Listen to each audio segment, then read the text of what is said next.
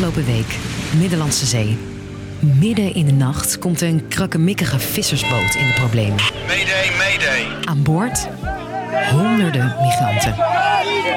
De meeste overleven de ramp niet. as authorities struggled to assess the scope of an emerging disaster. At least 78 migrants have drowned and dozens more are missing. De Griekse kustwacht hield de overvolle boot al uren in de gaten. Wie is er verantwoordelijk en is er überhaupt iemand verantwoordelijk voor de vermoedelijk dodelijkste ramp met een migrantenboot in jaren? Ik ben Sophie en daar praat ik je in deze aflevering over bij. Lang verhaal kort. Een podcast van NOS op 3 en 3FM. De boot is afgelopen week op weg van Libië, Noord-Afrika, naar Italië. Waar normaal zo'n 20 mensen aan boord zitten, herbergt de boot deze nacht waarschijnlijk zo'n 750 mensen. Mannen, vrouwen en kinderen, schouder aan schouder, wanhopig op zoek naar een beter leven in Europa. Ik denk dat heel veel mensen die op die boot zaten, zijn mensen bijvoorbeeld die de oorlog uit Soudaan proberen te ontvluchten, die eh, uit Eritrea komen. Je hoort oud-Afrika-correspondent Bram Vermeulen. En ook mensen uit West-Afrika, waar heel veel jihadisme is eh, en waar voor heel veel mensen het leven gewoon onveilig is. Na vier dagen varen valt vlak voor de Griekse kust de motor uit. De lokale kustwacht houdt de boot dan al uren in de gaten, maar durft naar eigen zeggen niet in te grijpen. Uit angst het evenwicht van de overvolle boot te verstoren. Of, nou ja, boot. Oh, dus dit? Deze oud-admiraal van de kustwacht noemt het een drijvende doodskist. Een oud schip zonder certificaten. En dan gaat het opeens snel. De boot maakt een bocht naar links en kapseist. Binnen 10 minuten is het schip verdwenen in de golven. 104 mensen worden gered en de rest wordt dood of helemaal niet teruggevonden. Een hulpverlener vertelt: It was all so quick. They don't feel that they, they are here. They feel that they are still inside, that they are going to die.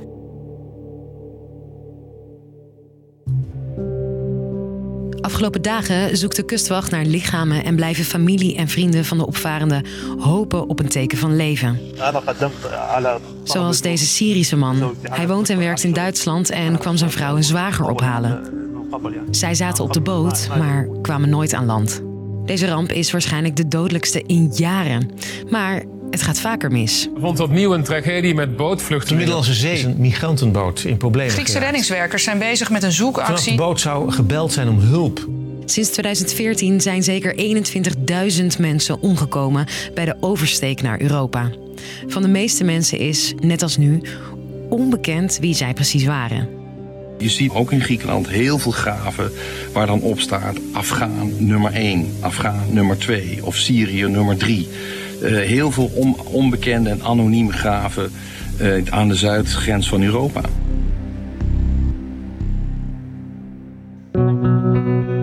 Inmiddels zijn er negen mannen opgepakt die de ramp overleefden en nu worden verdacht van mensensmokkel.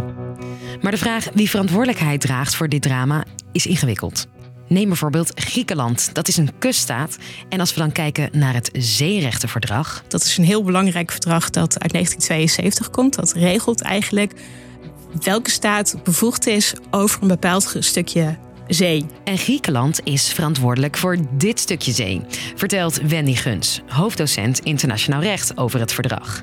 En dat verdrag, Die zegt dus heel duidelijk: als er een noodsituatie is, moet je ingrijpen en je moet ze redden. maar volgens Guns gaat het verdrag niet in op waar die bijstand dan uit zou moeten bestaan. En dat uitzoeken in een rechtbank bijvoorbeeld is lastig. Je hebt niet een soort van rechterlijke macht die inderdaad gewoon staten gewoon zomaar voor het gerecht kan dagen. Of je hebt wel het internationaal strafhof, maar dat gaat over ja, hele oorlogsmisdrijven. En dat valt hier niet onder. Dus er is eigenlijk heel weinig waarom je Griekenland hierop aan kan spreken. Plus, we weten dus niet precies wat er is gebeurd. Wat we weten komt met name van de Griekse kustwacht. En die, heeft bepaald geen goede reputatie als het gaat over het spreken van de waarheid. je hoort Afrika-correspondent Bram Vermeulen weer. Dit voorjaar publiceerde de New York Times bijvoorbeeld videobeelden die lieten zien dat de Griekse kustwacht mensen terugduwt naar Turkije.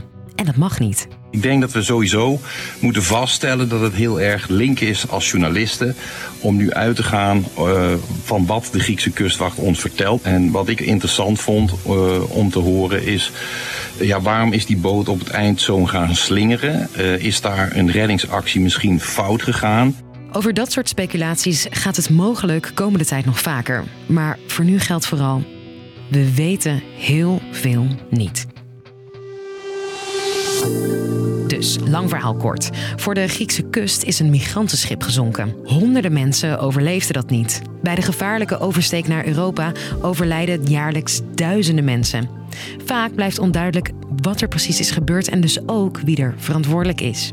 Dat was hem weer voor vandaag. Dankjewel voor het luisteren en uiteraard zijn we er na het weekend weer rond de klok van 5.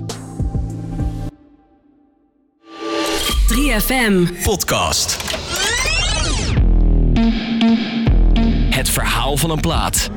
We zijn deftig nu, we zijn deftig. We zijn deftig nu. Zoals je het nog nooit hebt gehoord. It's the song that changed my life. In Sporen ontleden we de nummers van Naas, Willem, Jiggy J, Sophie Straat, Atje en Winne samen met de artiesten en hoor je de verhalen achter hun muziek.